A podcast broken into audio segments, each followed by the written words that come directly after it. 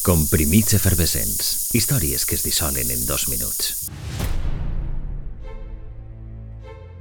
S'estima que tots els dies milions de persones es desplacen en tren per tot l'Índia.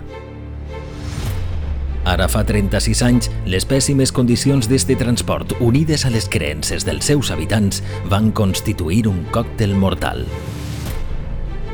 Un 8 de juny, un tren carregat fins a dalt de passatgers protagonitzava una de les majors tragèdies ferroviàries de la història en esquivar una vaca.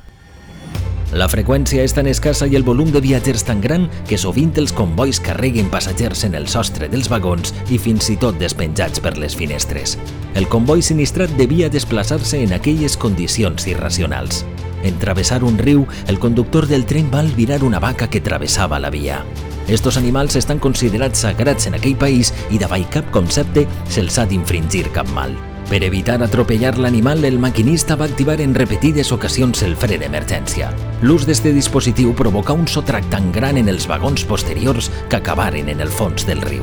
S'estima que moriren unes 3.000 persones. El govern assumí la responsabilitat civil subsidiària i va veure's obligat a indemnitzar els ferits i les famílies de les víctimes mortals. No obstant, la màxima indemnització no va superar en cap cas les 1.000 rúpies, uns 18 euros, un dels sinistres que més morts han causat en la història ferroviària mundial, el 8 de juny de 1981.